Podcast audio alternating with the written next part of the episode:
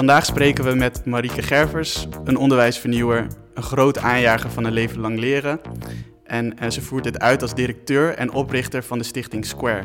Een stichting met een gelijknamige bro- broedplaats van visual storytellers en een private exameninstelling waar ze pioneren met de professionalisering van het hoger onderwijs voor vakmensen. Het formele onderwijs klopt tegenwoordig aan bij Marieke en ik ben benieuwd, en hopelijk jullie ook, hoe ze dat heeft gedaan en nog steeds doet. Welkom Marieke. Dankjewel.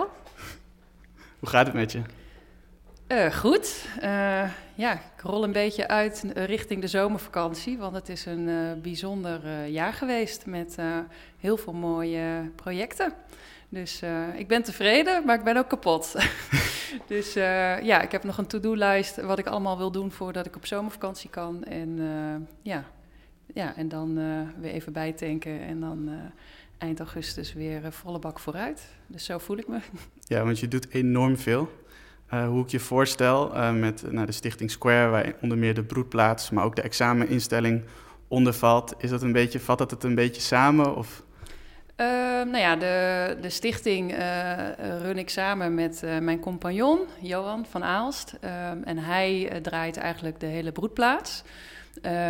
Ik ben eindverantwoordelijk voor de private exameninstelling. Dat zijn ook twee verschillende onderdelen. de broedplaats richt zich heel erg op informele professionalisering. En binnen de private exameninstelling zijn we heel erg bezig met hoe kunnen we nou in die formele leerlijn hè, uh, uh, dingen toevoegen en dingen anders doen. Uh, en daarin leren we heel veel van elkaar. Dus als ik met, met het formele onderwijs samenwerk, dan kan ik heel veel voorbeelden noemen die in de broedplaats informeel gebeuren uh, en die heel veel opleveren. Uh, en andersom kijken we in de broedplaats weer heel erg uh, van oké, wat kunnen we leren van het formele onderwijs, zodat we bijvoorbeeld ook een stukje bekostiging of een stukje uh, implementatie van het informele in het formele. Dus we zijn constant met elkaar aan het kijken. Uh, hoe kunnen we elkaar bevruchten en hoe kunnen we het systeem verder helpen? Dus dat doen we.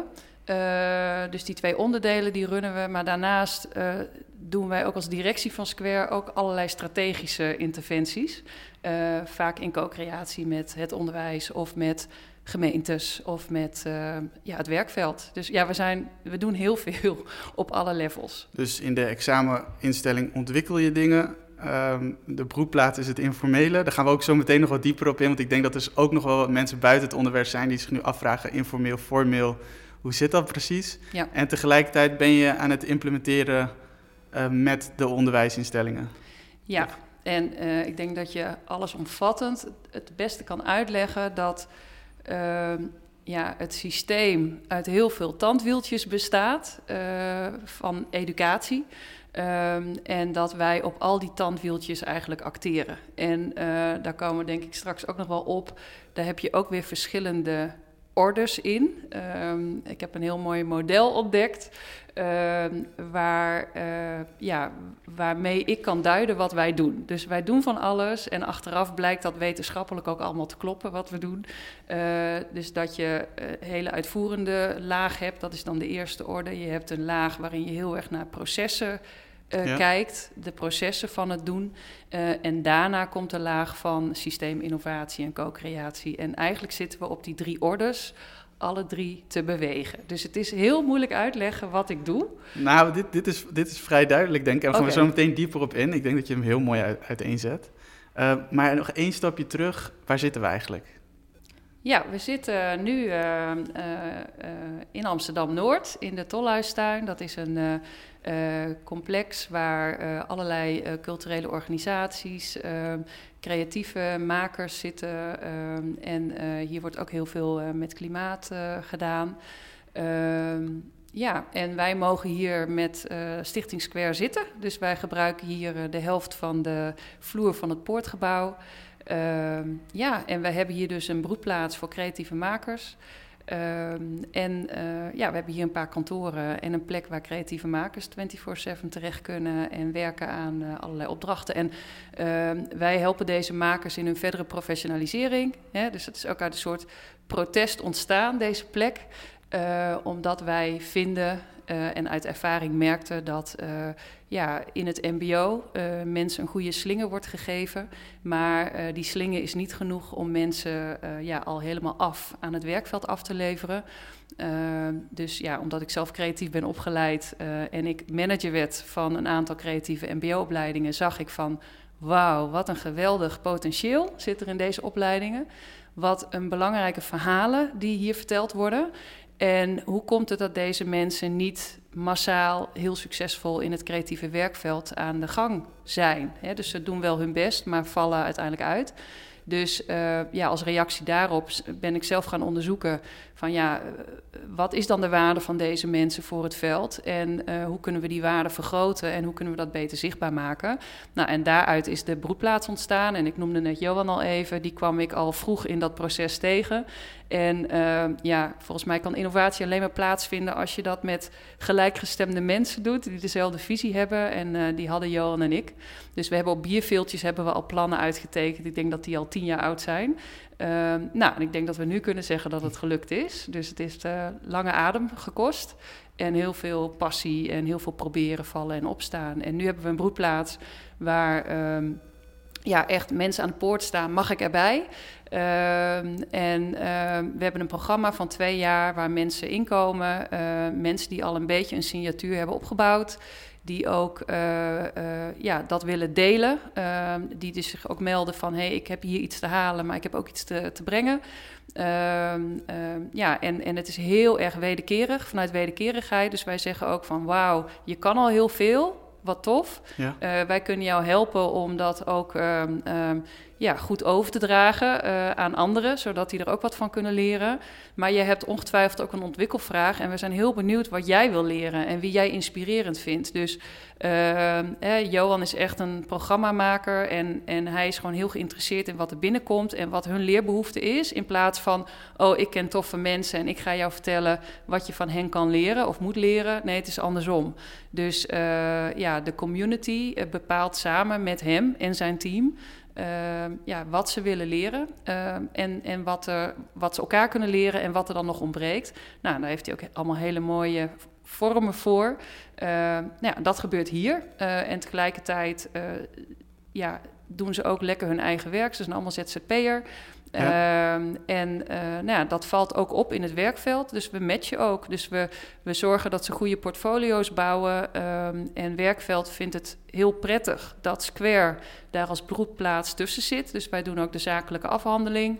We zijn ook heel transparant. Hè? Dus uh, onze makers uh, hebben ook een uurtarief die fair is. Um, en als een opdrachtgever zegt van ja, dat bedrag hebben we niet, dan zeggen we sorry, dan kunnen we de klus niet doen. Uh, want wij willen ook dat jullie als opdrachtgever eerlijk omgaan met deze mensen. En wij, uh, ja, wij hanteren daar een, een, een fee over van 20%.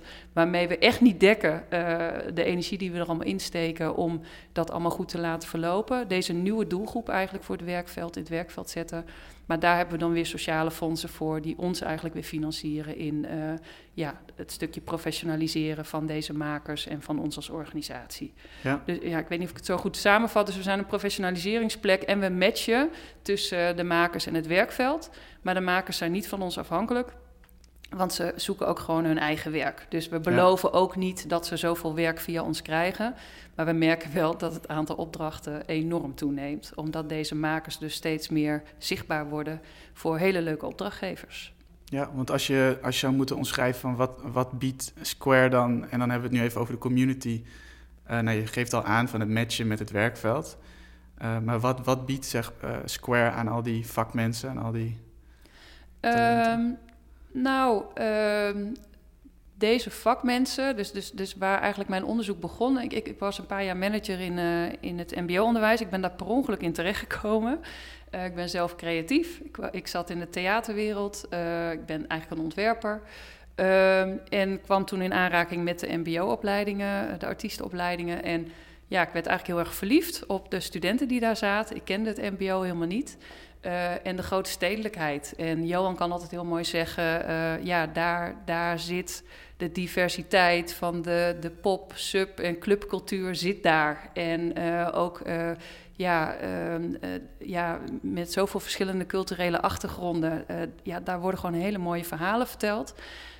en deze doelgroep studeerde niet door op het HBO.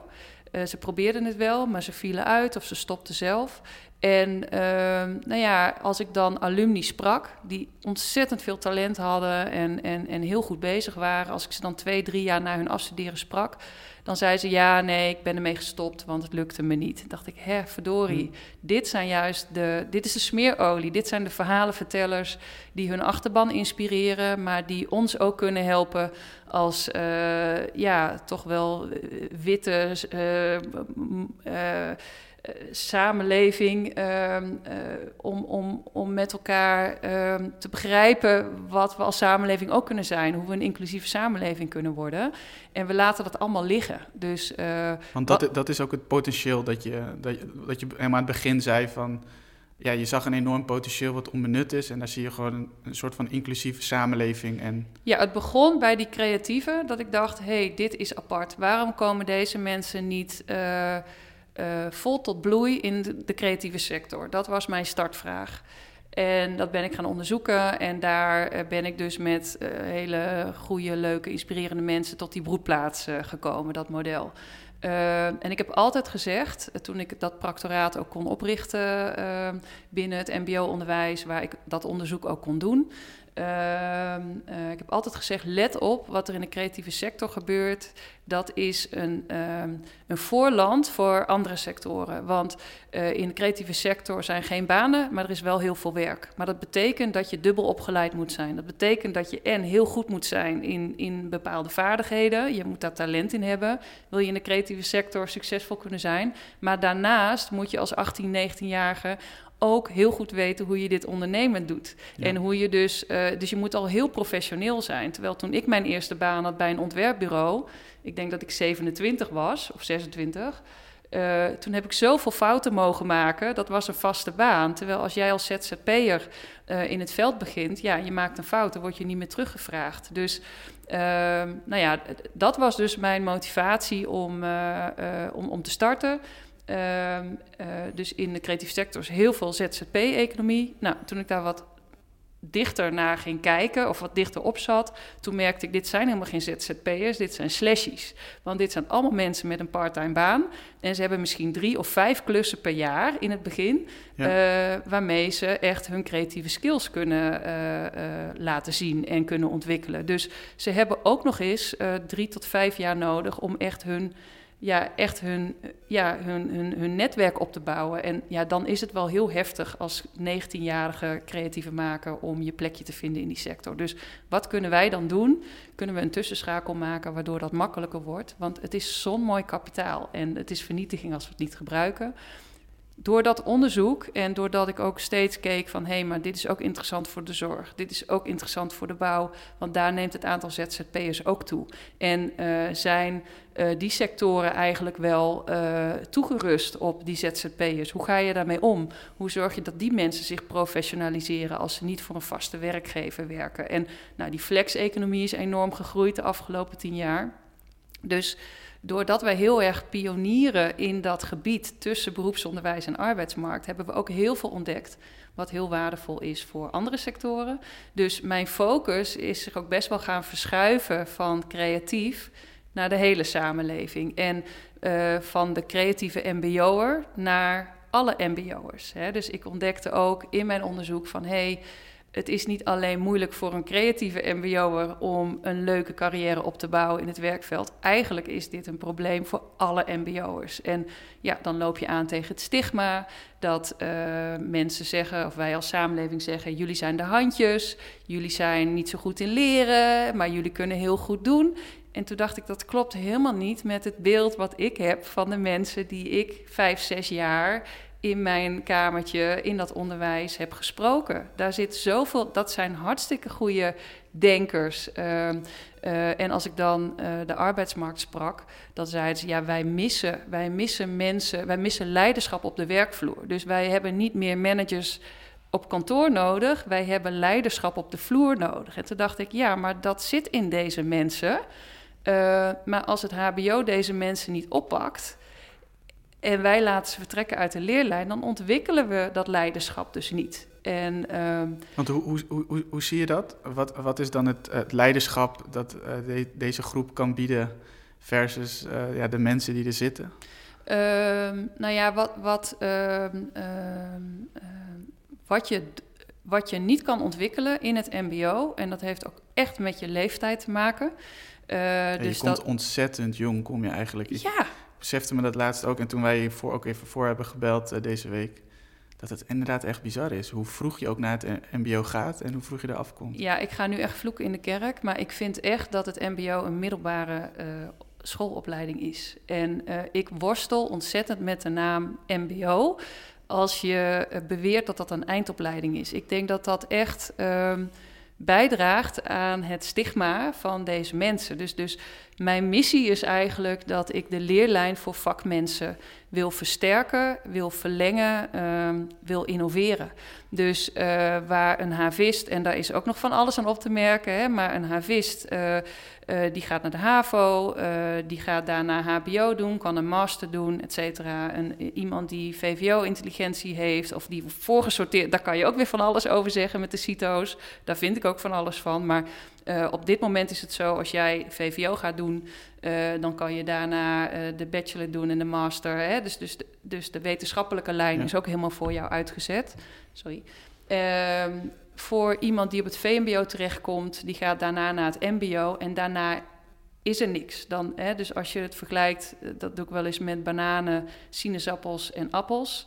Hè, dan is de VMBO de appel die moet dan daarna moet hij naar de bananenleerlijn van de havist. En dat klopt niet. Ik ben trouwens wel bij de HBO's gaan praten van joh, weten jullie dat de helft van de eh, MBO afgestudeerd op niveau 4 een HBO-opleiding probeert en dat daarvan ook de helft uitvalt? Dus dat betekent dat 25% van de 80.000 mensen die per jaar afstudeert, wow, uh, succesvol is bij jullie op het HBO. En jullie zijn heel erg aan het proberen uh, hoe die 25% 30% wordt. Maar er is dus ook nog 75% die niet bij jullie uh, succesvol is. En ik kan jullie beloven dat daarvan zeker driekwart wel naar een hoger denkniveau kan. Ja, en ik merkte in eerste instantie, dus dan heb ik het ook over uh, vijf jaar geleden, heel weinig interesse bij het HBO voor deze doelgroep. Ja, en, ja, en dat, dat raakte mij zo dat ik dacht, ja, maar deze mensen kunnen naar een hoger denkniveau. De neurowetenschap zegt het ook. De, dit zijn executieve functies, hè, dus dat gaat over plannen, uh, reflecteren, onderbouwen, uh, ondernemend vermogen, dat ontwikkel je eigenlijk tot en met je 25ste jaar door. En deze MBO'ers, die laten we dus massaal uit de leerlijn uh, vertrekken voor hun 20ste jaar. Dus dat hebben ze nog helemaal niet kunnen ontwikkelen. Dat ontwikkelen ze waarschijnlijk wel zonder het onderwijs, maar dan kunnen ze nooit die piketpaal misslaan dat zij ook op een hoger niveau hebben leren denken en functioneren. Dus dat stigma houden we zo in stand. En dat vind ik zo moeilijk aan dat woord MBO. Want als je MBO hebt en HBO, dan is MBO natuurlijk altijd lager en minder. En dat is wat je ook heel erg merkt bij de MBO-doelgroep en de VMBO-doelgroep. Wij zijn minder dan de rest. En dat merk je ook bij de HBO'ers en de WO'ers, want die denken daar ook zo over. En als ik heel eerlijk ben, hè, ik heb uh, uh, HKU gedaan, uh, dacht ik ook dat, dat, ja, dat, dat is het niveau waar, waar mensen minder kunnen, maar ze kunnen andere dingen. En dat wil ik er heel graag uithalen. En dat is ook wel een beetje mijn kritiek op het MBO zelf. Die zeggen ook, uh, ja, uh, uh, jullie zijn af. En nou ja, daarom ben ik zo'n fan van een leven lang leren. Want ik zie gewoon in het MBO vooral mensen die heel veel kunnen, die heel veel potentieel hebben, maar die nog lang niet af zijn. Ja, want dat is echt een van je, je speerpunten, toch? Of dat, dat is de kern, een leven lang leren. Zou je dat een beetje kunnen toelichten wat dat betekent? Ja, Uh, nou ja, ik denk dat, uh, dat we last hebben van kansongelijkheid. Hè? Dus ik ben echt. Uh, ik, ik wil heel graag meewerken aan een veilige, tolerante, inclusieve samenleving. Dat, dat is mijn hogere streven. En ik denk dat we heel veel kansongelijkheid hebben. En toen ik drie maanden in het MBO werkte, had ik al vraagtekens bij hoe het onderwijs was opgetuigd. En dan krijg je heel vaak te horen: dit is nou eenmaal hoe we het doen. En toen begon ik al met de vraag van, ja, maar doen we de dingen goed of doen we de goede dingen hier? Dus ik kwam er een beetje achter, ja, ik ben dus blijkbaar altijd iemand die het systeem wil veranderen en verbeteren als ik een systeemfout zie. Um, sorry, ik ben de vraag even kwijt. Ja, eh, leven lang leren, hoe, uh, um, ja. hoe zou je dat omschrijven? Wat is dat precies? Want dat is natuurlijk een, een term die, nou, je komt hem nu af en toe tegen, maar het is zeker nog niet geaccepteerd ja, niet breed. Nou ja, het, het, komt erop neer dat je nooit klaar bent met leren. Daar komt het eigenlijk op neer. En uh, ik geloof dus dat uh, iedereen altijd moet blijven leren. Ik, ik ben ook iemand die. Uh, ik leer eigenlijk iedere dag. Maar uh, in een leuk gesprek kan je iets leren. Maar door af en toe echt een opleiding te doen of een module te volgen, kan je echt jezelf ook dwingen om naar uh, je te specialiseren. Hè? Dus je moet echt wel discipline hebben om echt een sprong te maken in, in een skillset. Nou, daar zijn we heel erg ja, mee aan het pionieren van wanneer maak je wel die sprong en wanneer niet. Uh, maar uh, nog even over die kansongelijkheid. Ik zie gewoon dat heel veel mensen, uh, zeker op het MBO, nog veel meer kunnen dan eruit gehaald is. Dus de corona laat ons zien dat dat er heel veel kansongelijkheid is. Hè. Dus dat, dat is een, een mooi voordeel, een mooie bijkomstigheid van de corona, dat nu heel zichtbaar is, de pijnpunten. Maar vooral jongeren met een niet-westerse achtergrond, heb ik op het MBO gezien, daar zit nog zoveel meer in. Dus die zijn dan toch op het VMBO terechtgekomen. Dat zijn laadbloeiers. Uh, dus we kunnen nu heel erg gaan werken aan het voorsorteren op de middelbare school hè, en op de, op de basisschool. Maar ik denk, ja, maar we hebben toch de rest van ons leven ook nog om continu bij te kunnen scholen. Dus de laadbloeiers uh, kunnen dan ook na hun middelbare school of na hun vervolgopleiding nog zoveel meer bijleren. Uh, ja, ik doe niet waarvoor ik gestudeerd heb, bijvoorbeeld. Het ontwikkelt zich ieder jaar weer door. Dat ik denk, ja, als iemand vraagt wat, wat, wat, voor een rol heb jij, ik vind het altijd heel moeilijk om dat te omschrijven, want het ontwikkelt zich steeds door naarmate ik me doorontwikkel. Ehm, dus, uh, en ik denk dat we nu in een, in een situatie zitten qua arbeidsmarkt dat, uh, ik noem dan even de flexibilisering. Uh, we, kunnen niet meer, we, we, kunnen niet meer opleiden en zeggen: Zo, jij bent klaar. En jij gaat nu voor een baas werken waar je 30, 40 jaar in dienst bent. Want zo is ons onderwijs wel opgetuigd. Daar hebben we het voor ingericht, voor het industriële tijdperk. Maar de arbeidsmarkt is niet meer zo. Um, en als je naar de flexbarometer kijkt, um, de helft van alle mensen die afstuderen, of het nou MBO, HBO of WO is, komt terecht in een uh, flexibele uh, werksituatie. En het schrijnende is dat, uh, of ja, fijn voor de HBO-opgeleide en de WO-opgeleide, dat zij uh, uh, na vijf jaar in een banen-carrièreperspectief terechtkomen. Dus zij hebben ook een paar jaar nodig. En ik denk ook dat zo'n flex-situatie helemaal niet verkeerd is. Hè? Want daar kan je ook een beetje shoppen. En ja, heel, Gen Z wil natuurlijk ook helemaal niet, ja. niet, zich niet vastleggen voor een 30-jarige baan. Maar um, uh, uit onderzoek blijkt wel dat HBO-opgeleide en WO-opgeleide wel op een gegeven moment in een stabiele carrièreperspectief terechtkomen. Terwijl MBO-opgeleide en mensen met een HBO-diploma en een niet-westerse achtergrond dat niet lukt. Hè, dus, dus die flex-economie. Wow, ja, terug in de cijfers. Dat zijn hele grote uh, aantallen. En uh, als je, uh, dus die arbeidsmarkt is heel erg geflexibiliseerd. Als je dit onderwerp bespreekbaar maakt in het onderwijs of bij de overheid, de overheid zegt: dit moeten we niet willen. Hè, dus uh, dan is het onderwerp ook afgesloten. Terwijl ik denk, ja, maar het is nu wel de situatie. Dus heel veel mensen zitten in deze situatie en daar moeten we iets mee. Uh, en er zitten ook positieve elementen aan, maar ook heel veel negatieve elementen. Dus we moeten daarop anticiperen. En het onderwijs denkt nog steeds, als ik heel eerlijk ben, dat we opleiden voor die vaste banen. Dus het onderwijs uh, heeft ook niet zo'n heel goed beeld van de arbeidsmarkt ja. in totaal. Dus een leven lang leren. Uh, er wordt nu gekeken naar de onderwijsinstellingen. Jullie moeten dat gaan vormgeven. En ik denk dat er uh, echt opnieuw gekeken moet worden naar het systeem van educatie. En uh, ook door verschillende samenwerkingen met onderwijsinstellingen uh, kom ik erachter dat de onderwijsinstellingen zoals we ze nu kennen, het beroepsonderwijs, MBO, HBO, weet ik dan het meeste van, eigenlijk niet de aanjagers zijn van een leven lang leren. Ik denk wel dat ze een belangrijke speler worden in het leven lang leren. Maar ik denk niet dat de overheid aan hem moet vragen om dit op te tuigen. Omdat ik merk dat het onderwijs verstand heeft van de doelgroep die ze tot nu toe opleiden. Hè, dus dat zijn de jongeren. Uh, maar eigenlijk hebben ze te weinig verstand van de arbeidsmarkt, waar hun alumni op terechtkomen. Om uh, heel bepalend en toonaangevend te worden in dat leven lang leren voor mensen die al op de arbeidsmarkt aanwezig zijn. En vooral de starters, uh, ja, die hebben echt steun nodig in een soort van tussenschakel. Nou, en een van die tussenschakels is dus de broedplaats die wij hebben. Uh, maar goed, ik geloof gewoon heel erg in dat, in dat niveau 5. Want niveau 4 is uh, uh, wat je op het MBO haalt. Niveau 6 is wat je in de bachelor haalt. En niveau 5 is eigenlijk een beetje de ondergeschoven kindje geweest in Nederland, altijd. En uh, ik denk dat we daarmee een heel groot deel van ons arbeidskapitaal uh, niet tot dat denkvermogen hebben gebracht, wat eigenlijk de arbeidsmarkt ook zegt, dat hebben we nodig op de vloer.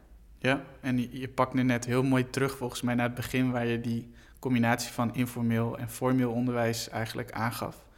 Kan je dat nog iets meer toelichten hoe je dat, want je, je gaf net ook aan van nee, die broedplaats heeft een plek. Ja. Hoe, hoe zit dat? Ja. Um, nou, op, volgens mij heb je op dit moment twee spelers in onderwijs. Je hebt, de, uh, je hebt het initiële onderwijs, dus dat zijn de instituten die we hebben ingericht, uh, die, uh, hè, die bekostigd worden uit ons belastinggeld, die de opdracht hebben om goed onderwijs te maken. En je hebt de private onderwijsinstellingen en die zitten vooral op dat, ja, dat professionaliseren van mensen op de arbeidsmarkt. En ehm, ja, dat zijn eigenlijk de spelers. Um, en um, um, die zijn vaak wel heel erg commercieel gedreven. Hè? Dus, dus uh, nou ja, NCOI is nu een paar keer in het nieuws geweest. Van ja, is, is dat nou de club die echt gaat voor de onderwijskwaliteit? Of is dat de club die heel veel of ja, die probeert een goed verdienmodel uit onderwijs uh, te halen? Dus ik denk dat het idealisme en uh, in het initiële onderwijs, dus in de instituten, daar, daar zitten wel de mensen met echt uh, het hart voor de doelgroep. Maar niet altijd de visie op wat er nodig is in het hele systeem van educatie. Als we echt deze jonge generaties, maar ook de generaties die al langer op de arbeidsmarkt zitten. Ik mis een beetje de focus op de mensen die we uh, willen voorbereiden op die arbeidsmarkt en op het leven vooral. En uh, ik, ik merk dat die spelers vooral bezig zijn met hun eigen schip op koers houden. En niet met, uh, ja, wat gebeurt er in de zee? Of, uh, hè, de, dat mis ik een beetje. En ik denk dat dit tijdperk vraagt om tussenschakels... die uh, niet per se commercieel gericht zijn. Hè, dus dus uh, wij hebben iets privaats opgericht... omdat het ons niet lukte om het met de, ja, de, de scholen voor elkaar te krijgen. Dus toen zijn we privaat gegaan... Ehm, ik, ik, denk echt dat we opnieuw naar het systeem moeten kijken en niet alles omver moeten gooien, maar wel uh, dat iedereen zijn plek een beetje moet uh, leren kennen. Uh, dus ik denk dat er een tijd nodig is voor zelfreflectie. Van oké, voor wie doen we dit eigenlijk allemaal? Doen we dit voor onszelf of doen we dit voor een groter doel, namelijk de student? Of de, hè, de samenleving? Willen wij zorgen dat mensen hun potentieel ontwikkelen? Of willen we, uh, willen we drie jaar voor mensen zorgen, zorgen dat we aan onze opdracht voldoen en ze daarna loslaten en dan is het een probleem van een ander? Nou, en dat probleem van die ander, ja, daar zijn wij in gedoken, want wij zien gewoon dat een bepaalde groep helemaal niet werd opgepakt. Dus die hebben wij opgepakt. Uh, dus we moeten opnieuw naar dat systeem kijken van waar doen we dit eigenlijk voor? Zijn we wel de goede dingen aan het doen? En wat is dan mijn rol daarin? Ben ik wel degene die weet hoe het hele systeem in elkaar zit? Of heb ik een plekje in dat systeem? Dus kijk naar jezelf. Dus verdiep je in de situatie. Hè? Dan, dan gaat het al snel over uh, empathizen, hè? Uh, design thinking. Uh, verdiep je in wat nou eigenlijk het probleem is. En verbind je met de mensen in dat probleem. En dan kom je er waarschijnlijk achter dat wat je aan het doen bent, uh, absoluut bijdraagt, maar niet het hele plaatje bedient. Uh, dus probeer het hele plaatje te begrijpen. Probeer verder te kijken dan alleen jouw opdracht. Ehm, en, uh, en als je dan ontdekt van hé, hey, dan is er inderdaad een ontbrekende schakel. Ben jij dan ook degene die die ontbrekende schakel kan ontwikkelen? En je kan nooit je eigen instituut of je eigen systeem vernieuwen in je eentje. Dus ben je bereid om samen te werken met een club die uh, hier al, hè, die hier ook verstand van heeft en die hier al aantoonbaar uh, ja, resultaat in heeft behaald. Dus zelfreflectie. En dan samenwerken. En uh, ja, doe dat dan ook alleen met de mensen die het kunnen en niet met de mensen die het willen. Ja, ja, er zit ook nog een verschil in natuurlijk. Mensen die willen en die kunnen. Ja. en dat mis ik een beetje. Ik mis dat in uh, ja, toch de publieke uh, instellingen. Uh, die zijn gewoon heel goed geworden in ehm, dat wat hun opdracht is. En nu is er iets anders nodig. Hè. We zitten echt in de transitie van een tijdperk. Jan Rotmans uh, kan daar heel mooi over vertellen, schrijft daar boeken over. Die zegt ook dat deze corona niet het kantelpunt is, maar wel bijdraagt aan meer bewustwording naar dat kantelpunt. Uh, maar we hebben echt nieuwe rollen nodig. We hebben innovatieregisseurs nodig die eigenlijk die instituten helpen en het werkveld helpen en de overheid helpen om die transitie te maken. En wat ik nu zie is dat de instituten zelf uh, op de innovatietour gaan en zelf zeggen uh, van geef ons maar die reparatiegelden, want wij weten wel wat wij moeten doen om ons eigen instituut te innoveren. En ja, da daar bewegen wij ons tussen. We bemoeien ons overal mee. Uh, enerzijds door dingen te bouwen en het tegendeel te bewijzen. Van ja, dit ontbrak er nog, kijk eens, het kan. Ja, hè? want dus... jullie zijn heel concreet. Jullie zijn dan inderdaad, jullie bouwen dan ook de onderwijsmodules zelf. Jullie ja. uh, hebben dan ook een broedplaats. Ik vind dat zo inspirerend. En ik ben een paar keer bij die broedplaats geweest. En dan merk je ook echt dat er veel energie in zit. Dus ja, jullie bouwen ook nog eens tegelijk. Ja, we zien een probleem. En dan probeer je het probleem, uh, en we plaatsen het in een grotere context. Hè, van, want uh, ja, dat creatieve makers niet uh, aan het werk komen in de creatieve sector, dat zien meer mensen. maar vanuit het ministerie werd er gezegd: we moeten die creatieve MBO-opleidingen dan maar gaan afschaffen. Dat is dan de reactie, want ze zijn niet succesvol op het HBO. Dan denk ik, nee, dit is de omgekeerde wereld. Dit zijn hele waardevolle mensen voor onze samenleving. Het systeem uh, uh, handelt verkeerd, zodat deze mensen niet verder komen. Dus waar ligt je focus? Hè? Dus ze zijn niet succesvol. Uh, ons systeem is feilloos, dus het ligt aan die mensen. Dus we moeten die mensen geen worst voor de neus houden. Dus wij hebben bewezen met die broedplaats, dit zijn hele waardevolle mensen. De, de sector wil ze graag inzetten, vindt ze heel inspirerend. Uh, er zat alleen een systeemfout in het onderwijs, waardoor deze mensen niet tot uh, doorontwikkeling kwamen. Dus als wij een systeemfout zien, dan proberen wij het in die grotere context te plaatsen. Uh, nou, en als er genoeg energie bij ons vrijkomt, dan gaan we het gewoon bouwen.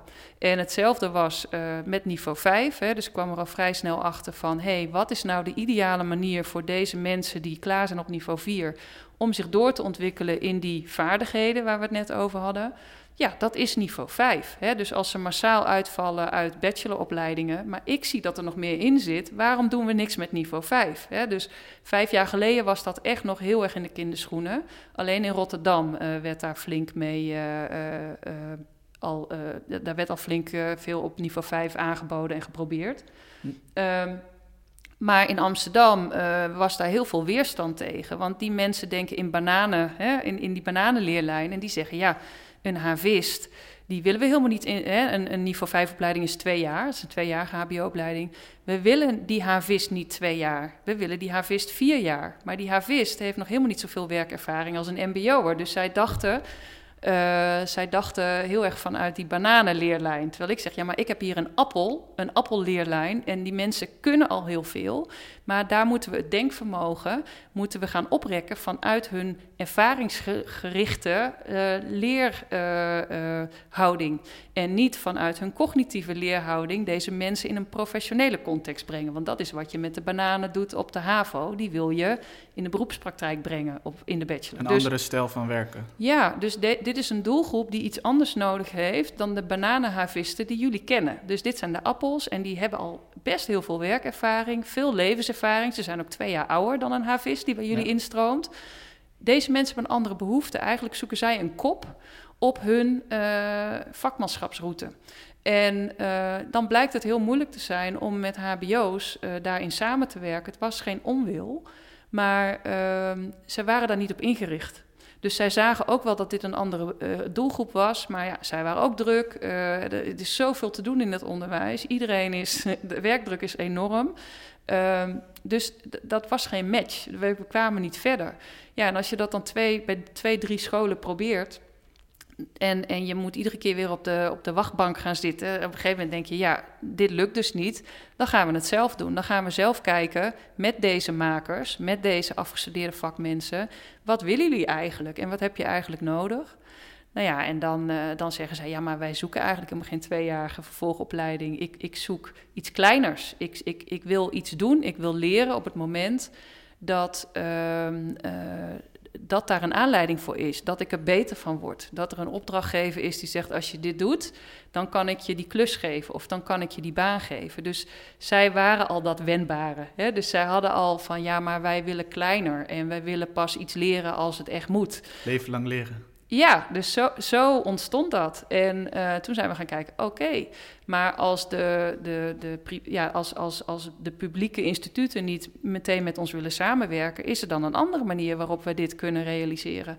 Nou, toen ontdekten we van, hé, hey, we kunnen zelf ook een private exameninstelling worden. Hé, hey, dan kunnen wij modules maken. Oh, dan wordt ons geadviseerd 400 uur is een, is een belangrijk getal. Uh, want als je 400 uur investeert in je eigen ontwikkeling, dan kan je echt een sprong maken. Ik dacht, nou, dat is ook mooi. Dan kan je in 20 weken tijd, hè, kan je uh, eh, 20 uur per week. Dan kan iemand daarnaast ook werken. Want dat is natuurlijk ook wat, wat, wat vakmensen zeggen. Wij willen aan het werk. Wij willen helemaal niet dat wat we geleerd hebben in de kast stoppen en weer vier jaar studeren. Want, want ze zijn ook al aan het werk. Toch? Ze zijn heel vaak al aan het werk, dus wij willen het ernaast. En, en, en we willen ook echt dat onze praktijk centraal staat. En uh, ik hoef geen wetenschapper te worden of ik hoef geen onderzoeker te worden. Maar uh, ik snap wel dat ik in mijn taal nog een ontwikkelslag moet maken om ook de juiste woorden te vinden om te zeggen waarom ik iets wit wil doen of zwart. Hè, dus uh, dat ontbreekt er nog aan. en heel veel vakmensen weten nog niet wat ze nog kunnen leren, maar dan kunnen wij zeggen van hé, hey, maar jij kan nog veel meer. En dat doen we vanuit de praktijk die jij al kent. Dus we, zijn ook heel erg met die vakmensen gaan kijken van ja, hoe werkt jouw ontwikkeling? Daar leren we nog elke week in hoor, in de broedplaats. Dus het is echt geweldig om dagelijks te kunnen werken met de doelgroep waar je het eigenlijk voor doet en ook meedoet. Ja. Ja, nu zit ik bijna op twee sporen, want ik, ik weet dat jullie dat heel mooi ontwikkeld hebben. Dat is eigenlijk een vraag. Hoe, is die, hoe heb je die broedplaats met elkaar, echt zeg, met alle mensen die in die broedplaats zitten, ontwikkeld? Aan de andere kant zit er ook nog wat spoor uh, van, ja, heb je die, op wat voor manier heb je die scholen nu eigenlijk nog nodig? En heb je die nodig? En Heel erg, ja. Wat voor manier?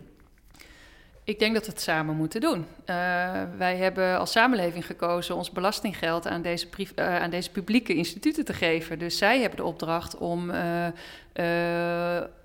onze nieuwe generaties uh, goed in het leven te zetten en dus goed op de arbeidsmarkt te zetten. Uh, dus ik vind dat de opdracht voor uh, de publieke instellingen heel belangrijk is. En ik zie dat daar hele mooie mensen werken. alleen het systeem is achterhaald. Dus het is heel belangrijk dat die scholen zich goed gaan realiseren waar zijn wij goed in. En laten we dat goed doen. En waar zijn we niet goed in? En wie zijn dan onze partners daarin?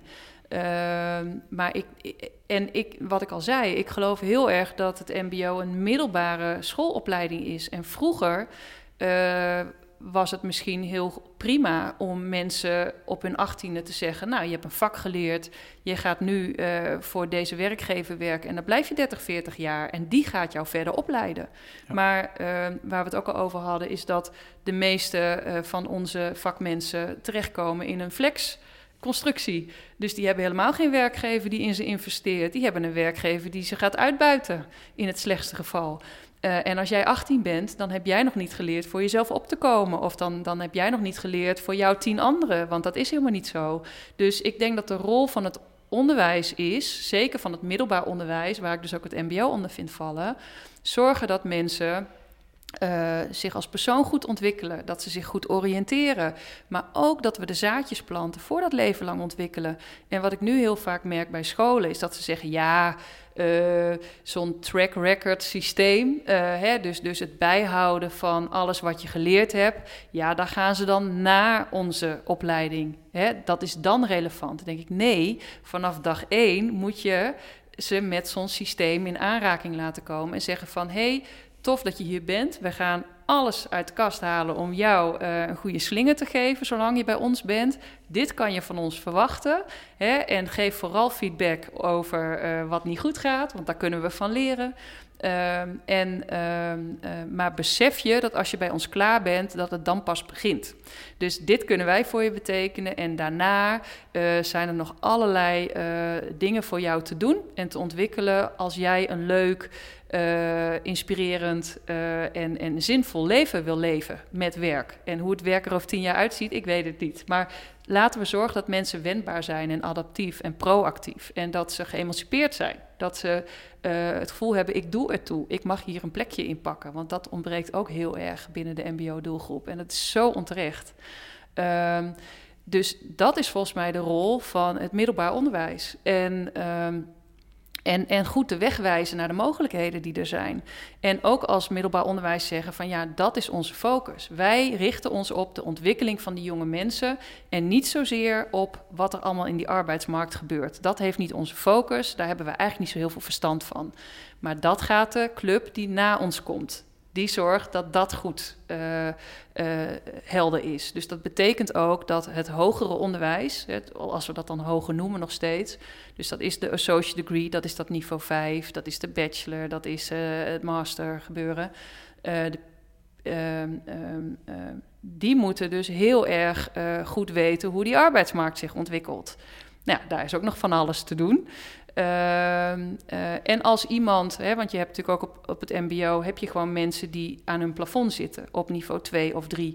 Maar zelfs tegen die mensen zeg je: we geven je een slinger, uh, we halen alles eruit. En misschien is dit cognitief jouw max, maar dan nog betekent dat dat je je de rest van je leven zal moeten blijven bijscholen op hetzelfde niveau als waar je nu op afstudeert, want dat kan je. Um, en je moet je blijven doorontwikkelen. Dus ja, dan heb je ook leven lang leren. Uh, ja, niet... Wat je, wat je eerder zei met die track record. Dus dat je eigenlijk, ja. je kan je leven lang kan je stukjes blijven oppakken en je blijven ontwikkelen. En dat ja. kan je Kijk, eigen en, tempo. En, en dat is allemaal al gaande, hè? dus dit is helemaal niet nieuw. I er zijn heel veel clubs bezig met skillspaspoorten, et cetera. En ik mis daarin de rol van uh, het initiële onderwijs, dus dat zijn die publieke onderwijsinstellingen. Uh, ze hebben wel een rol, uh, maar ik vind niet dat ze de goede rol pakken.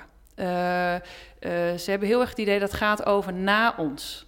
En, mm. en ik denk dat je, dat je het moet omarmen en jezelf onderdeel moet maken van dat grotere systeem. ja. Waarom denk je dat? Omdat ik zie, tot nu toe hebben dus deze instellingen van de overheid de opdracht gehad, tuig dit op. En het is niet opgetuigd. En het komt niet ja. van de grond. Ik zie dat het niet van de grond komt, omdat deze mensen eigenlijk geen verstand hebben van de arbeidsmarkt. Maar, en dat bedoel ik ook met uh, zelfinzicht, hè, wees eerlijk over wat je wel en niet kan. Uh, deze instellingen zeggen wel dat ze verstand hebben van de arbeidsmarkt. Ja. Maar die, hè, en, en de arbeidsmarkt is niet met een paar vaste partners twee keer per jaar praten over wat gebeurt er binnen jullie bedrijf en hoe kunnen wij daar als opleiding beter op inspelen. Ik bedoel, dat gaat wel goed. Mm -hmm. Maar uh, die ontwikkelingen in de flex-economie, dus dat de helft van je studenten in een flexbaan terechtkomt. Weet je dat als docent? En wat doe je daarmee met dat gegeven? En wat vertel je daarover aan je studenten? En hoe praat je daarover binnen je docententeam en op managementniveau en op bestuurlijk niveau met elkaar. Hoe ga je daarop anticiperen? Wil je daar als onderwijs proactief iets aan veranderen of een, een, een rol in spelen? En dat gesprek mis ik. Dus het is heel erg reactief. In plaats van proactief. En ik die denk, private partijen dus ook het onderwijs nodig hebben om dat... Want daar gaat dus alle belastinggeld ook naartoe. Dus je kan elkaar enorm versterken. En op het moment dat je dat niet ja, doet... Ja, en wij zijn geen private partij geworden omdat we er geld aan willen verdienen. Wij zijn een private partij geworden omdat de publieke partijen uh, zo ver niet wilden denken. Ik denk dat iedereen die integriteit uh, hoort hoor, in uh, de manier hoe je erover praat. Nee, dus, dus het is zonde dat commerciële partijen dan in zo'n gat springen. En een mooi voorbeeld is NL Leer Door. Hè, dus dat is een, een, een, een, een, uh, een subsidie of uh, ja, een, injectie die gedaan is van... nou, we moeten Nederland aan het leven lang leren brengen. Ja, en daar duikt dan zo'n grote commerciële partij op... Ehm, want die hebben mensen die meteen op dat soort regelingen kunnen inspringen. Ehm, en wat bieden die dan aan? Kleine cursusjes Photoshop. dus kleine trainingen van 4 tot 8 uur. En wie doen die trainingen gratis? Hè, dat is dan gratis. Wie doen dat soort trainingen? Hoogopgeleide mensen in een baan. Dus dan moet je je afvragen: is dat, hoe, is dat dan het leven lang leren wat we met elkaar willen faciliteren? Ik denk van niet. Ik denk dat de mensen die leven lang leren nodig hebben, dat zijn de mensen die MBO geschoold zijn. Uh, dat zijn de ZZP'ers. Uh, en dat zijn de mensen in flexconstructies. Want die, die hebben eigenlijk. Uh, die doen het minst aan leven lang leren. Dus die wil je bereiken. En uh, ja, die bereik je niet door met een schot hagel uh, faciliteiten uh, de lucht in te gooien. En nou ja, dus zo'n tussenschakel als die wij zijn geworden, ik denk dat er heel veel van dit soort tussenschakels nodig zijn. En het zou mooi zijn als we als samenleving zeggen van hé, hey, we kunnen niet alle verantwoordelijkheden bij de scholen leggen. Want die hebben al zoveel te doen. Uh, uh, we kunnen niet alle verantwoordelijkheid bij de arbeidsmarkt leggen, want die, die moeten, hè, dat zijn ondernemers, dus die moeten gewoon zorgen dat, uh, dat de brood op de plank komt en dat hun werknemers eh, aan het werk blijven. Dus ik vind het ook altijd heel raar dat de arbeidsmarkt moet investeren in het onderwijs. Ik denk nee, we moeten de arbeidsmarkt betalen om bij te dragen aan scholing van onze mensen. We moeten ze niet laten betalen, wij moeten de arbeidsmarkt betalen. Um, en, uh, en, we kunnen ook niet van de overheid verwachten. Hè, dus de overheid heeft een hele mooie rol, want die geven die injecties. Maar daar zijn dus in dat midden van die driehoek zijn dus regisseurs nodig, of dat nou een tussenschakel is of een club, of uh, die zien van hé, hey, het verband tussen die drie. Ja, en, ja, en dat, is, dat is regisserend, ontwikkelend en uiteindelijk ook zelfs in de in de eindvorm, wanneer een ecosysteem staat, dan heeft zo'n broedplaats als dat hier is nog steeds dus waarde. Het, heeft in de, het houdt nooit op. En, en dat, dat is een beetje het oude denken van oké, we doen weer een, uh, een uh, we doen weer even een refreshment. Hè. We, we, we, we, we, doen weer even een innovatie. We doen weer even een, een reset. Of, of we, ja, we ontwikkelen het systeem door en dan zijn we weer klaar. En dat kan niet meer. Dus we moeten constant ontwikkelen. En je moet constant dat grotere plaatje in de gaten houden. En nou ja, wat ik denk wat de komende tijd duidelijk moet, daar ga ik ook, ja, ja dat is ook mijn, mijn, mijn missie misschien wel. Uh, zorgen dat duidelijk wordt dat je niet in je eentje alles hoeft te doen. Dus dat het oké is om je plek te pakken in het systeem, maar niet het hele systeem uh, te hoeven pakken. En uh, ik denk dat, nou ja dat we echt mensen moeten gaan opleiden die die visie wel hebben en die wel hè, die, die verbindingen kunnen maken en die overview wel hebben, systemisch. Ja, want hoe bedoel je dan, uh, want betrek je dat op jezelf? Bedoel je van dat je zelf een deel van die puzzel wil pakken? Hoe bedoel je dat? Nou ja, ik, ik kan ook niet de hele puzzel pakken. Want die is, iedere keer als je denkt dat je een probleem te pakken hebt en een oplossing, dan komen er weer drie vragen bij. Ja, je pakt al een flink stuk. Ja, ja dus ik, ik denk dat wij best wel een flink stuk pakken. Want ik denk echt dat dat niveau 5, dat dat een sleutel is voor heel veel problemen die we hebben. Dus uh, als we mensen um, op het middelbaar onderwijs uh, niet genoeg kansen geven, uh, dan kunnen mensen dat via niveau 5 alsnog ontwikkelen. En dan, eh, en, en dan kunnen ze, als we dat leven lang ontwikkelen goed oppakken en goed vormgeven, dan kan iemand ook vijf jaar later op niveau 6 nog weer dingen doen en niveau 7. Maar dan ook weer op niveau 5. Ik denk dat we ook niet zo ja. strak moeten denken in niveaus. Maar goed, zolang er niveaus zijn, heb ik het over niveau 5. Uh, ik hoor ook van scholen die nu met niveau 5 aan het pionieren zijn, hoe verrast ze zijn wat voor mensen daar zitten. Dus zij denken dan dat zijn mindere mensen dan we kennen. En dan is hun conclusie, het zijn andere mensen. Ik zeg, ja, en die zijn heel waardevol voor die mensen, die, hè, voor die bananen en voor die sinaasappels die in het WO zitten. Uh, ja, die, die, die, die, die appels die eigenlijk half af uit de leerlijn vertrekken, als we die hè, tot doorontwikkeling brengen, dan zijn dat ontzettend waardevolle mensen. En Nou ja, als je dan even naar eh, de, de, wetenschap kijkt, die nu hun analyses loslaten op wat gebeurt er nou eigenlijk in die arbeidsmarkt. Hè? Waarom zijn we in Nederland eigenlijk niet in staat om wendbaar en adaptief te worden, dan is dus ook de conclusie: uh, we zijn een doe-cultuur. We doen heel veel. We maken producten en we reflecteren op die producten en we vernieuwen de producten. Maar in Nederland hebben we geen reflectiecultuur. Dus we reflecteren niet op de processen. Dit is dat model toch, wat je ja, eerder noemde? Ja, waar, ja. Waar, waar, is dat ook weer van? Uh, het model heet Future Work for All. Uh, Dat is ontwikkeld door de Stello Academie. En nou ja, dat, dat uh, is een club waar onder andere Mark van der Meer in zit. En uh, ik ken hem weer van een andere commissie. Dus ik ben me een beetje in dat model gaan verdiepen. En toen dacht ik, verdorie, dit is het. Dit is waar we tegenaan lopen. Dus wat ik, dat is ook mijn kritiek naar het onderwijs. Want het onderwijs is natuurlijk ook een werkgever. Um, er wordt heel weinig gereflecteerd op: zijn we als onderwijs eigenlijk wel het goede aan het doen? En uh, hoe zit dat proces in elkaar? En klopt die leerlijn voor vakmensen nog wel? Klopt het dat we zeggen: je bent klaar nadat je bij ons klaar bent? Uh, hè, dus, dus, dus durf je te reflecteren op op wat je eigenlijk aan het doen bent. En dat missen we heel erg in Nederland. En dat is natuurlijk voor mij heel fijn, voor ons, als, uh, als ook wetenschappers zeggen: dit is er aan de hand, we reflecteren niet. En iedereen probeert nu het systeem te innoveren, maar als je niet re kan reflecteren op je eigen processen, dan kan je geen systeem innoveren. Dat, dat, dus we komen in Nederland niet verder omdat we niet reflecteren op onze eigen processen. Dus dat moeten we leren. En ik denk niet dat.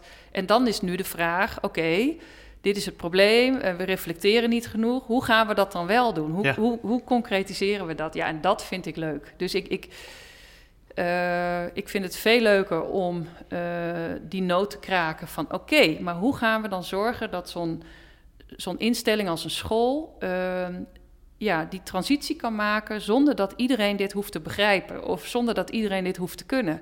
En uh, ja, ja. En ja, ik denk dat er nu heel veel mensen die hard aan uh, innovaties werken, nu heel goed aan het luisteren zijn. Want er zit heel veel in je verhaal. Dat, uh, ja, ik heb echt idee ik, ja, dat ik maar wat bazel. Helemaal niet, oh, helemaal niet. Het is, uh, er zit echt best wel een hele duidelijke lijn in. Oké, gelukkig. maar ik kan me voorstellen als je inderdaad het hele systeem aanpakt. En ik denk dat ja, je hebt al die stukjes heb je liggen. en ben je hard mee aan het werk. Uh, maar ik denk dat een vraag die mensen nu, waar je nu aankomt, waar mensen wel mee blijven zitten, is van ergens is het heel interessant. Dus je creëert een private plek. Eigenlijk, je hebt dus een plek waar ik bijvoorbeeld binnen de politie bij een buitenboordmotor werk. Dus die zit eigenlijk vast aan de organisatie. Mm Waarbij ik weet dat er ook, wij hebben ook met z'n allen wel eens daar twijfels van, werkt dat eigenlijk nog als je er nog half aan vast zit? Mm uh, dus ik denk dat voor heel veel mensen dat al heel inspirerend ook is. Gewoon dat gegeven dat je durft los te gaan, dat je bij het ROC een proctoraat opzet, maar dat je eruit gaat. Dat je, het is gewoon enorm veel ondernemerschap. Ja. Um, en de vraag die dan nog inderdaad wel blijft, waar we nu aankomen, is van oké, en hoe zorg je dan dat het reflecterend vermogen, hoe ga je daarmee aan de slag? Want iedereen kent die organisaties. Ja. Ik denk dat veel mensen binnen vast. stug. Ja. ja. Oké, maar ieder, ja, ik, volgens mij heb ik de nood gekraakt. Uh, en dat wetenschappelijke model gaat mij helpen in mijn onderbouwing. Hè? Dus, uh, maar uh, iedereen kent dit soort organisaties. En iedereen weet ook dat er mensen in die organisatie. Er zijn mensen die gedijen heel goed bij het systeem wat er nu ligt. Hè, en dat is eigenlijk de meerderheid. Dus die zeggen. En er gebeuren ook heel veel goede dingen in die instituten. Dus, hè, en er zijn mensen die dat bewaken en die daarvoor staan. En die. Uh, uh, ook ja, sceptisch zijn van nou, we gaan niet het hele roer omgooien, want we hebben dat al een paar keer gedaan en dat heeft ons ook niet verder geholpen. Dus dat is de behoudende groep. En die zijn er vaak heel veel in het instituut en die hebben ook een functie. Uh, maar in al die instituten zitten ook mensen die heel ambitieus zijn, die dingen zien, die, die, uh, die ken je. Ja. Maar die zijn in de minderheid. En die noemen wij dan de frontrunners. Dus dat zijn de mensen die zien, oh, dit moet er gebeuren, dat moet er gebeuren. En soms is dat een manager. Hè, dus ik, dat is ook de reden waarom ik manager werd in het MBO. Omdat dat voor mij een soort ja, rol was waarin ik heel veel dingen kon proberen en kon veranderen. maar er zijn ook managers die dat niet zijn. Uh, nou, en uh, je hebt directeuren die dat zijn, je hebt bestuurders die dat zijn, maar heel vaak zijn het ook docenten of medewerkers die eigenlijk niet de macht en de middelen hebben om echt iets te veranderen.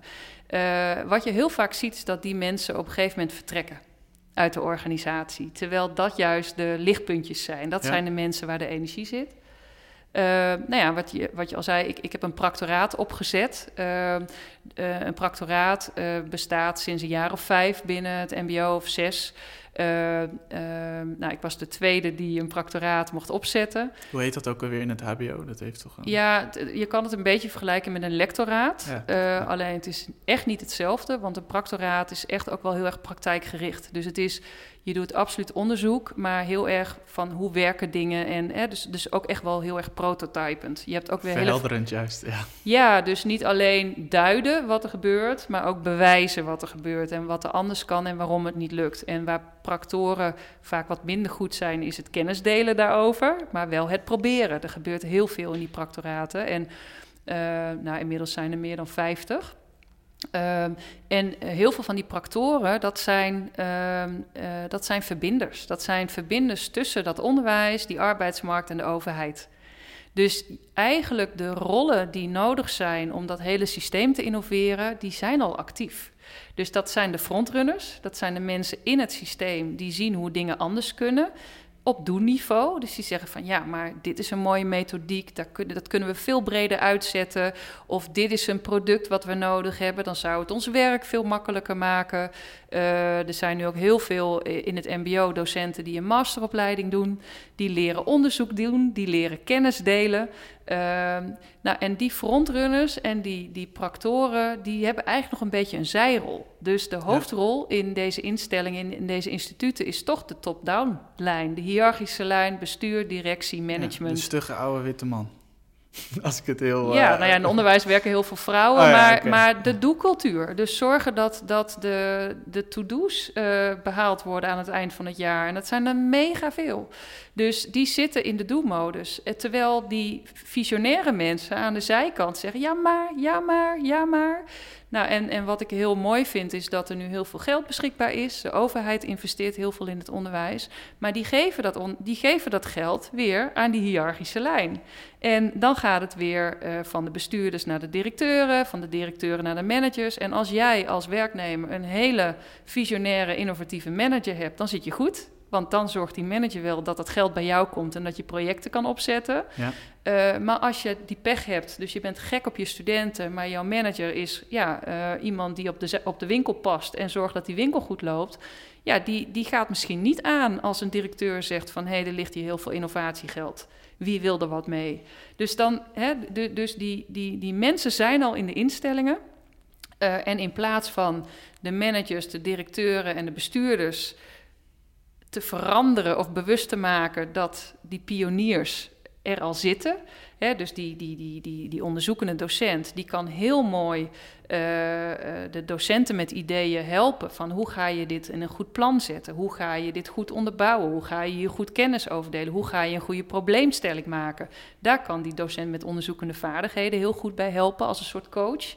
Um, en iemand die heel enthousiast is en inspirerend, die kunnen we uh, opleiden, want daar ga, daar ga ik nu naartoe. We moeten deze mensen gaan opleiden. We moeten die mensen aan de zijkant, die moeten we gaan emanciperen en die moeten we gaan faciliteren. En dat moeten we niet vragen aan uh, de instellingen zelf. Dat is echt mijn vraag aan de overheid. Laten we uh, weer leergangen ontwikkelen, laten we uh, uh, modules ontwikkelen om deze mensen uit te nodigen van hey, wij zien in jou een frontrunner, je hebt ideeën, uh, wij zien jou ook als een inspirator voor anderen, hè? wij zien dat je ook kan reflecteren op die plannen, op die ideeën. Wij zien dat jij iets kan organiseren. Uh, wij zien dat jij zo'n kennisdelingsplatform voor de stad kan jij onderhouden, kan jij aanjagen, jij kan meetups organiseren. Mensen vinden jou inspirerend. Jij bent geen manager, maar toch ben jij een informele leider. Kunnen wij jou opleiden? Kunnen wij jou trainen? En faciliteren, zodat jij binnen jouw organisatie uh, een aanspreekpunt wordt voor andere docenten die dat interessant vinden en die ook iets willen. Dus eigenlijk zet je een schaduwsysteem op. Uh, en niet omdat je die managers en directeuren en bestuurders wil ondermijnen, maar je wil ze eigenlijk ondersteunen. Dus die, die laag of die lijn die kan zich bezighouden met de doelcultuur. En je leidt eigenlijk de mensen die al staan te springen om extra, hè, die, die zien al van alles, die willen al van alles. Die ga je eigenlijk vanuit de buitenkant, ga je die uh, opleiden om sterk in hun eigen organisatie met de mensen uh, te kunnen werken die dat ook willen. En zo maak je dus de olievlek steeds groter en hebben die frontrunners, die, die, die gaan als een soort magneet werken. Ja, en dan op een gegeven moment wordt uh, de club zo groot dat, ja, dat er echt dingen kunnen veranderen van binnen. En ja, uh, ja dus, dus je hoeft niet het hele systeem op te leiden en bewust te maken. Maar uh, de mensen die al laten zien: hé, hey, ik loop vooruit en ik heb ideeën, die moet je erkenning geven. En als dat vanuit de organisatie zelf niet komt, want er zijn echt scholen die dat al wel doen, die, hè, die wel heel erg veel investeren in dit soort mensen. Dus dat zijn de, de, de voorbeelden. Maar als die visie er niet zit in een school, dan kan je toch als overheid of als arbeidsmarkt kan je denken van die mensen zitten er wel. Uh, hoe kunnen we dan toch die mensen bereiken en op die manier zorgen dat ja, die instelling toch meegaat met de ontwikkelingen? Ja, ja, ja supermooi. En, en hoe zorg je dat, uh, want dat is een vraag die bij mij gelijk oppopt, hoe zorg je ervoor dat dat geld ook, dus uh, ik, ik, snap de, de olievlek, en hoe zorg je ervoor dat wanneer die olievlek, en misschien op het begin is die wat minder groot dan op, dat niet op een, op een bepaald moment is, als die wil ontwikkelen, dat, dan, dat die dan bij die middelen kwam die je net beschreef van die doellijn, dus de, mm-hmm. de meer klassieke lijn. Hoe zorg je dat dat geld, eh, dat ze, dat ze middelen hebben? Ja, um, voor mij zijn middelen nooit een probleem geweest eigenlijk. Maar ik heb uh, als practor werd ik twee dagen betaald door de, de, de instelling waar ik werkte. Um, en op een gegeven moment denk ik, ik had vier FTE aan, aan, aan de gang. En dat werd niet betaald door het ROC waar ik werkte. Uh, dat werd betaald. Er is heel veel geld. Er is heel veel geld voor het oplossen van de mismatch tussen beroepsonderwijs en arbeidsmarkt.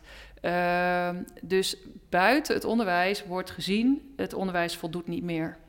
En uh, ja, volgens mij is er 8,2 miljard beschikbaar gesteld om okay. uh, in de coronacrisis uh, uh, te repareren en te innoveren. Ja, natuurlijk, ja. Er is heel veel geld. En, maar als je het allemaal geeft aan die ene club, die weten niet wat ze met het geld aan moeten op dit moment.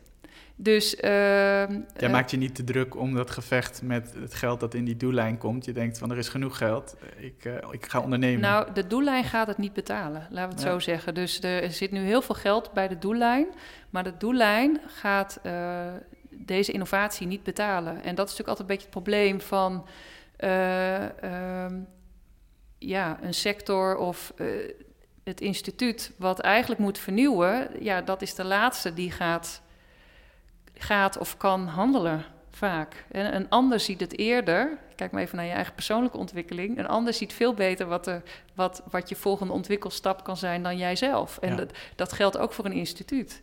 Uh, ondanks dat in die instituten mensen heel hard bezig zijn, wel met onderzoek doen van wat kan er beter, wat kan er anders. Dus dat is de paradox. Ja, ja. Ja, wauw. Ja, en, en die praktoren die zijn ook heel goed bezig, maar die worden ook een beetje aan de zijlijn gehouden. Want ja, er zijn natuurlijk ook allemaal andere functies die daar al over gingen. Hè, dus dus uh, dat is weer dat zelfinzicht van ja, uh, ben ik wel degene die over innovatie zou moeten gaan? Overzie ik wel het hele speelveld? Of mm-hmm. overzie ik vooral dit stukje van het speelveld? En dat. En, en ja, ja, dat is wel, nou, sinds ik dus los ben van een werkgever, sinds ik hè, vanuit de stichting met mijn maatjes uh, zelf uh, projecten kan aanjagen en zelf uh, mijn partners kan uitkiezen of opdrachten kan afwenden. ja, is het wel een luxe dat ik echt kan werken met mensen die dezelfde visie delen. En die hebben bewezen dat ze het kunnen. En dat vind ik ook nog wel eens lastig van instituten. Ja, mensen zitten daar 30, 40 jaar in dienst. Uh, dus je werkt niet altijd met het beste materiaal. Ja, Ja, en, en, jij kan het, ik vind juist dat je het heel mooi allemaal uiteen kan zetten. Van wat je doet, dus en wat die stappen daarin zijn geweest. En hoe je strategie dan vervolgens weer is met die producten, met die, hoe je kijkt naar een systeemverandering. Ehm, maar ik weet ook ja, hoe hard jij werkt en uh, hoe hard je hebt nog steeds aan het pionieren. Maar gelukkig komen nu de mensen naar jou toe. Dus dit is wel, denk ik, ook een tijd om te oogsten. Maar de, ja, hoe hard jij moet zwoegen voordat je die mensen hebt gevonden, dat is wel, eh, ik vind dat heel bewonderingswaardig. Waardig. Dus ik ben heel blij dat je dit verhaal hier wilt doen. Ja. Dankjewel. Ja. ja, want achter iedere hoek zitten weer uh, allemaal kansen. Dus uh, ja, ik, we hebben samen in dezelfde master gezeten. Ja. Uh, toen ik net practor werd, ik had alleen mijn bachelor.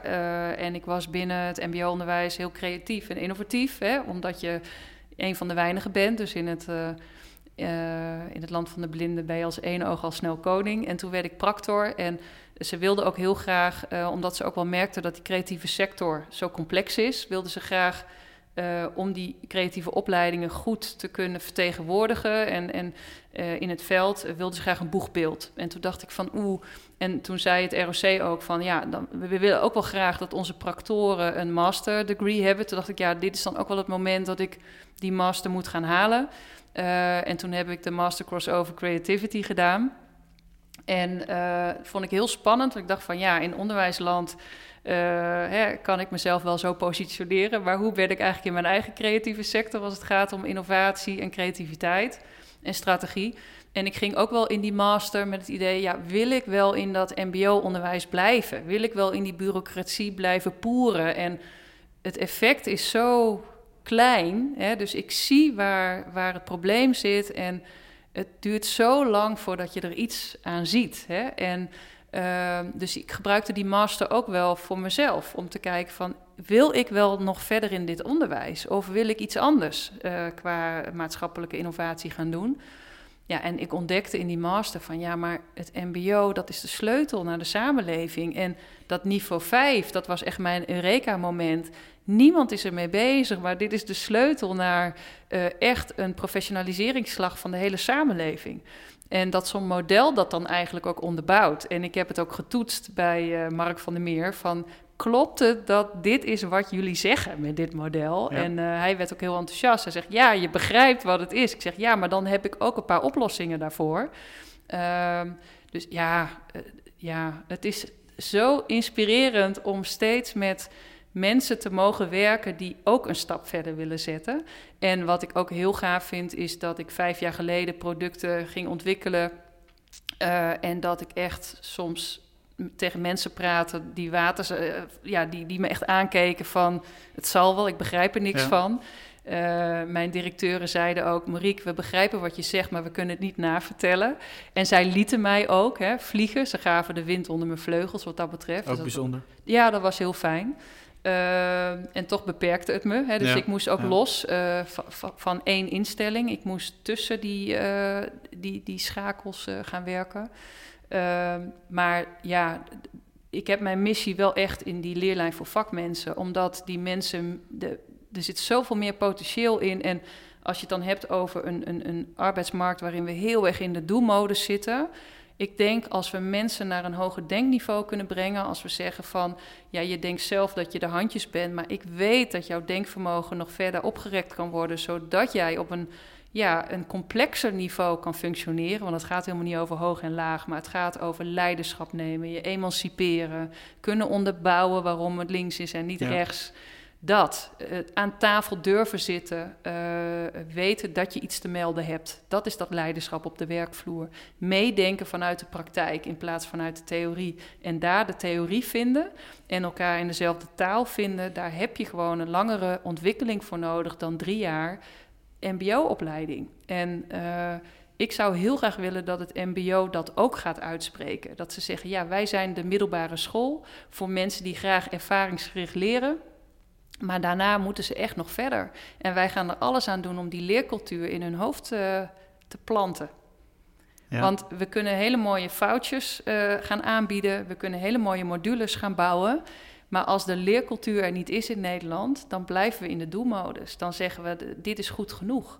Dus dat reflecteren op je processen, ja, dat moeten we leren met z'n allen op de arbeidsmarkt. En dat begint in de scholen. Dus we hebben die scholen heel hard nodig. Uh, maar als die scholen dat reflecteren al niet doen op zichzelf, dus daar moeten we beginnen. En ja, daar ligt dus mijn missie. Maar die scholen gaan niet die transitie in als dat niet vanuit een externe impuls komt. Dus dat was jouw, jouw vraag en jouw dilemma. Kan je van binnenuit innoveren? Ik denk dat je heel veel kan doen. Hè? Dus die frontrunners en die, die, die, die, die, ja, die, die, die, die regisseurs, die zitten in het systeem. Die kunnen heel veel doen. Maar het systeem zelf moet ook met overheid en arbeidsmarkt... Ja, ja. daar weer in samenwerken, in co-creatie, kritisch zijn naar, naar hun eigen handelen. Ik denk dat die heel mooi rond is zo.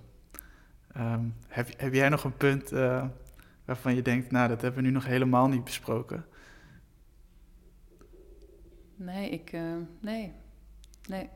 Ik denk, uh, ja, we zijn helemaal van, van het begin van de broedplaats naar, de, naar de examen. Hoe noem, hoe, noem, je dat? De exameninstelling. Exameninstelling, ja. Het is echt een instrument, hè. Dus waar het eigenlijk om gaat, is dat je, dat je ja, modules, dat je brokstukken aanbiedt in plaats van dat je denkt in tweejarige of vierjarige opleidingen. Hè? Dus het HBO-instituut denkt, wij gaan over hoger onderwijs. Wij gaan over doorontwikkeling na uh, het MBO. En dat is eigenlijk wat we willen doorbreken. Nee, jullie gaan daarover, maar wij ook. En uh, het is helemaal niet dat wij uh, daar leading in willen zijn, maar het is, jullie bepalen niet het ritme.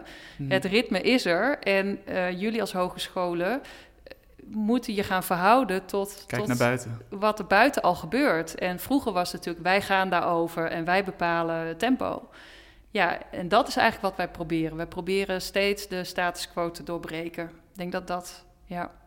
En, en ik merk steeds meer mensen die ook die visie hebben. Want je hebt echt aan de top en op de bodem die visie nodig. En dan, dan bereik je wat. En als er alleen maar bottom-up van alles gebeurt, dan, dan gebeurt het niet. En dan gaan mensen weg. En uh, als er alleen aan de topvisie is, ja, dan doe je ook iets niet goed. Dus, uh, gebeurt er ook niks. Nee, en soms heb je een buitenboordmotor nodig of een overheid uh, die voorwaarden stelt. Als je geld hebt, dan kan je ook voorwaarden stellen. En dat gebeurt hier in Amsterdam. In Utrecht gebeuren hele mooie dingen. Ehm, ja, dan, ja, dan lukt het. En ik, ik heb wel het gevoel dat, dat corona ja, ook wel dingen nu aan het versnellen is. En nu is het ook wel belangrijk dat mensen die op die geldpotten zitten, uh, niet alleen maar naar de oude usual suspects uh, kijken. Maar ik zie echt wel dat, dat er visie zit aan de top. En dat mensen doorhebben dat, dat die regisseurs nodig zijn. Mooi. Dus we gaan een mooie tijd tegemoet. Ja, ja dat, uh, ik ben benieuwd wat dit nog allemaal meer gaat opleveren. Naast ja. wat het nu aan het opleveren is. Ik denk dat ik nog 25 jaar werk heb hier. dat denk ik ook, ja. Ja. Um, heb jij nog, uh, om, uh, om af te sluiten, is eigenlijk nog een vraag. Heb je nog een soort van uh, must-read voor mensen of een bepaalde video waarvan je denkt, dus een must-watch, die je zou willen aanraden? En heb jij nog misschien een bepaalde tip dat je denkt van, nou ja, als, ik, als je iemand in de podcast nog zou willen horen, dan is het wel die persoon? Nou, um, must-read. Ja, ik, ik lees van alles. Ik lees halve boeken. Um, uh, dus dat, ja, dat model, nou ja, uh, de Stello Academie moet dit echt nog voor Jip en Janneke uh, leesbaar maken. Het is heel complex hoe ze het hebben gemaakt, hè, dus heel wetenschappelijk. dus ja, ga het bekijken, maar tegelijkertijd is het heel moeilijk te begrijpen wat ja. zij doen. Ehm, ja, um, ik weet niet of ik zijn naam goed uitspreek, maar een echte iemand die veel verstand heeft van systeeminnovatie, hoe systemen werken, hoe onderwijs werkt, hoe onderwijs is gemaakt, eigenlijk voor het industriële tijdperk. Dat we dat hele systeem weer eens uh, uh, moeten uh, bekijken. Dat is Pieter Senge. Um, hij is al heel lang bezig met systeeminnovatie en ik heb een hele interessante op YouTube, een, een, dat is ook 50 minuten doet hij een keynote over ja, hoe, hoe systemen werken. Dat is heel interessant om te kijken. Dus hij heet Pieter Senge of Pieter Senge. Ik weet niet precies hoe ja. het uitspreekt. Ja, en een tip. Uh, ja, wat ik in, in Utrecht heel leuk vind, is dat nu bij de provincie Utrecht uh, zit iemand, Leonie Oosterwaal. Ik heb een enorme klik met haar.